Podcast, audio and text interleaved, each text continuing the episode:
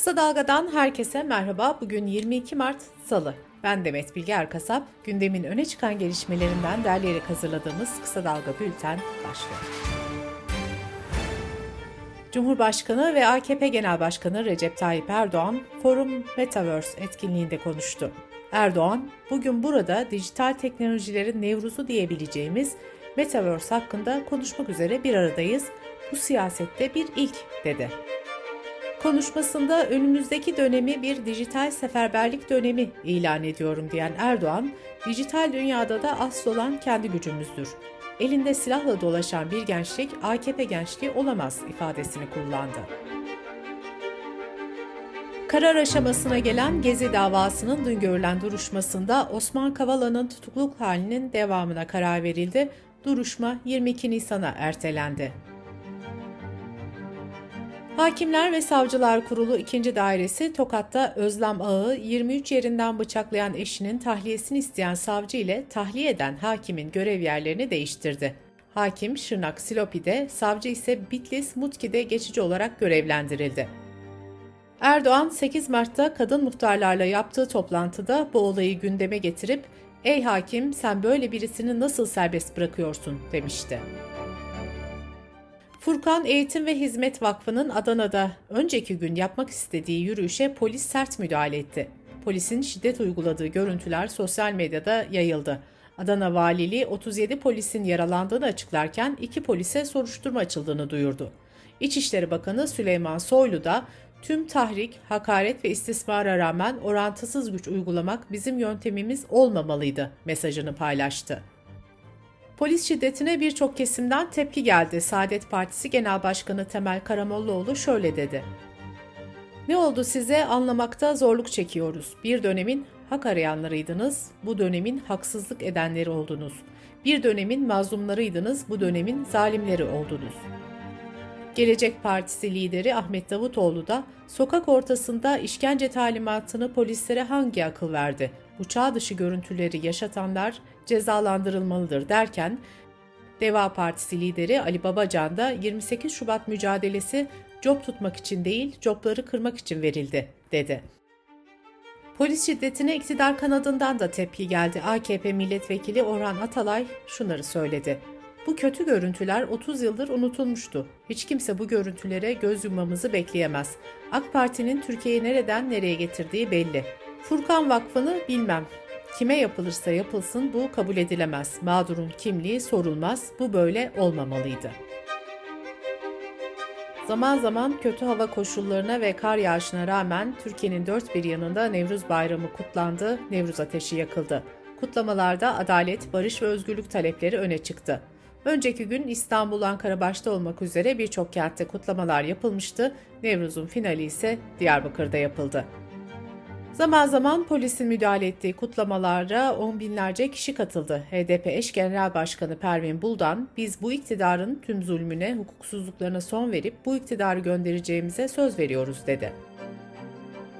Rektör Naci İnci'nin şikayetiyle Boğaziçi Üniversitesi öğrencileri Caner Perit Özen ve Ersin Berke Gök'ün de aralarında olduğu 14 öğrenci hakkındaki davanın ikinci duruşması dün yapıldı. Duruşmada öğrencilerin avukatları ilk duruşmadan sonra rektör Naci İnci'ye özel duruşma düzenlenmesinin usulü aykırı olduğuna vurgu yaptı.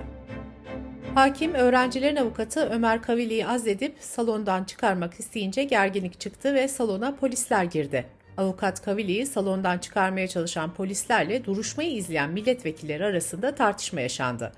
Hakimle savcı duruşma salonunu terk etti. Bunun üzerine de duruşma ertelendi.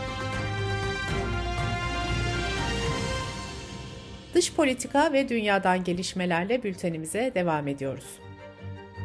Rusya, Ukrayna'daki stratejik liman kenti Mariupol'daki askerlerin silahlarını bırakmasını ve açılacak iki ayrı koridordan şehri terk etmesini talep etmişti. Ukrayna bu talebi reddetti. Ukrayna Başbakan Yardımcısı teslim olmalarının ve silah bırakmalarının hiçbir şekilde söz konusu olmadığını ifade etti. Rusya'nın Mariupol için yaptığı tekliften önce yaklaşık 400 sivilin sığındığı bir okulun vurulduğu açıklandı. Rusya için Mariupol'un ele geçirilmesi Ukrayna'nın güneyindeki ve doğusundaki birlikleri arasında bağlantı kurma açısından önem taşıyor. Avrupa Birliği Dışişleri ve Güvenlik Yüksek Temsilcisi Borrell, Mariupol'a yönelik saldırıların savaş suçu olduğunu söyledi. Borrell, Rusya'nın ayrım gözetmeden insanları öldürdüğünü ve bombaladığını belirtti. Ukrayna Devlet Başkanı Zelenski, Rusya Devlet Başkanı Putin'le müzakere girişiminin başarısız olması halinde savaşın 3. bir dünya savaşına neden olacağını söyledi. Eğer savaşı bitirmek için yüzde bir şans varsa bu şansı değerlendirmeliyiz diyen Zelenski, her gün masum insanları kaybediyoruz dedi. Zelenski, İsrail Meclisi'ne de video konferansla hitap etti. İsrail'den hava savunma füzesi isteyen Zelenski parlamentoya şöyle seslendi.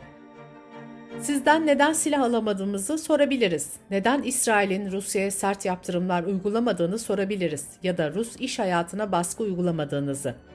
Her koşulda seçim sizin ancak sonra da yanıtlarınızla yaşamak zorundasınız.'' Kremlin sözcüsü Dmitri Peşkov, Ukrayna ile barış görüşmelerinde yeterince ilerleme kaydedilemediğini belirterek nüfus sahibi ülkelerden Ukrayna'ya daha yapıcı davranması için baskı yapmasını istedi. Rusya Federal Güvenlik Servisi'nin Ukrayna limanları açıklarında kopup İstanbul Boğazı ve Akdeniz'e sürüklenebileceği uyarısında bulunduğu mayınlara dair endişe sürüyor. Reuters ajansına konuşan kaynaklar Türkiye'li yetkililerin İstanbul ve Çanakkale boğazlarını kullanan gemileri risk konusunda uyardığını söyledi. Almanya Federal İçişleri Bakanı Ukrayna'daki savaştan kaçıp gelen kadın ve çocukların insan tacirlerinden ve çetelerinden korunması için tren ve otobüs garlarındaki emniyet tedbirlerinin artırıldığını açıkladı. Bu arada Polonya sınır muhafızları 24 Şubat'tan bu yana 2 milyondan fazla Ukrayna vatandaşının ülkeye giriş yaptığını duyurdu. Rus petrolüne yönelik ambargo uygulanması için bastıran Avrupa ülkelerine Moskova'dan uyarı geldi. Kremlin böyle bir kararın Avrupa'ya ciddi şekilde olumsuz etkileri olacağını belirtti. Baltık ülkeleri dahil bazı Avrupa devletleri Ukrayna işgali nedeniyle Moskova'ya uygulanan yaptırımlar kapsamında Rus petrolüne ambargo koyulmasında ısrarcı. Almanya ise Rusya'dan enerji ithalatının tamamen durdurulmasına karşı çıkıyor. ABD geçtiğimiz haftalarda Rus petrol ve gazına yasak getirmişti. İngiltere de Rusya'dan petrol ithalatına bu yıl içinde aşamalı olarak son vereceğini duyurmuştu.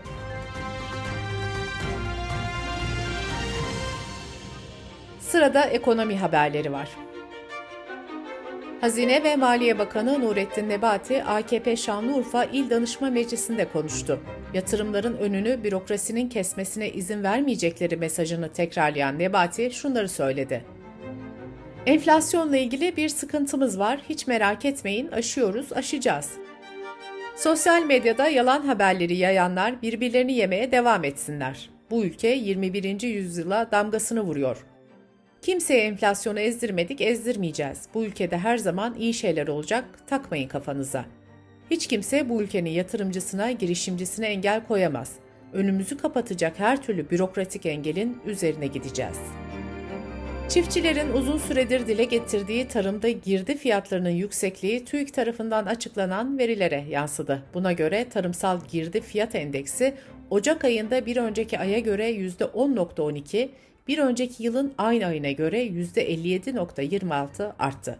Tarımsal girdi fiyatlarındaki yıllık artışta ilk sırayı %153.34 ile gübre alırken enerjideki artış %101.14 oldu. Yüksek enflasyon nedeniyle asgari ücrete Temmuz'da ikinci kez zam yapılabileceği beklentisi doğdu. Bu beklenti dün Çalışma ve Sosyal Güvenlik Bakanı Vedat Bilgin'e soruldu. Bakan Bilgin şu yanıtı verdi. Eğer meclis gündeme getirip değiştirmezse asgari ücret Aralık'ta belirlenir. Asgari ücretin yasal belirlenme tarihi Aralık'tır. CHP Genel Başkan Yardımcısı Veli Ağbaba asgari ücretin yılda iki kez belirlenmesi için kanun teklifi verdi.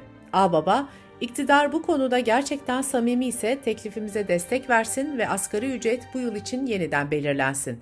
Bu sayede iktidarın umut tacirliği yapıp yapmadığı da ortaya çıkacaktır dedi.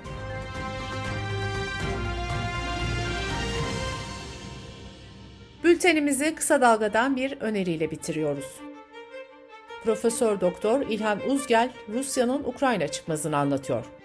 Savaş Rusya'nın istediği gibi gitmedi. Şu ana kadarki durum savaşın ABD'nin istediği şekilde ilerlediğini gösteriyor. Ukrayna işgali Rusya için giderek kaybet kaybet senaryosuna dönüşüyor. Podcast'imizin devamını kısa dalga.net adresimizden ve podcast platformlarından dinleyebilirsiniz. Gözünüz kulağınız bizde olsun. Kısa Dalga Medya.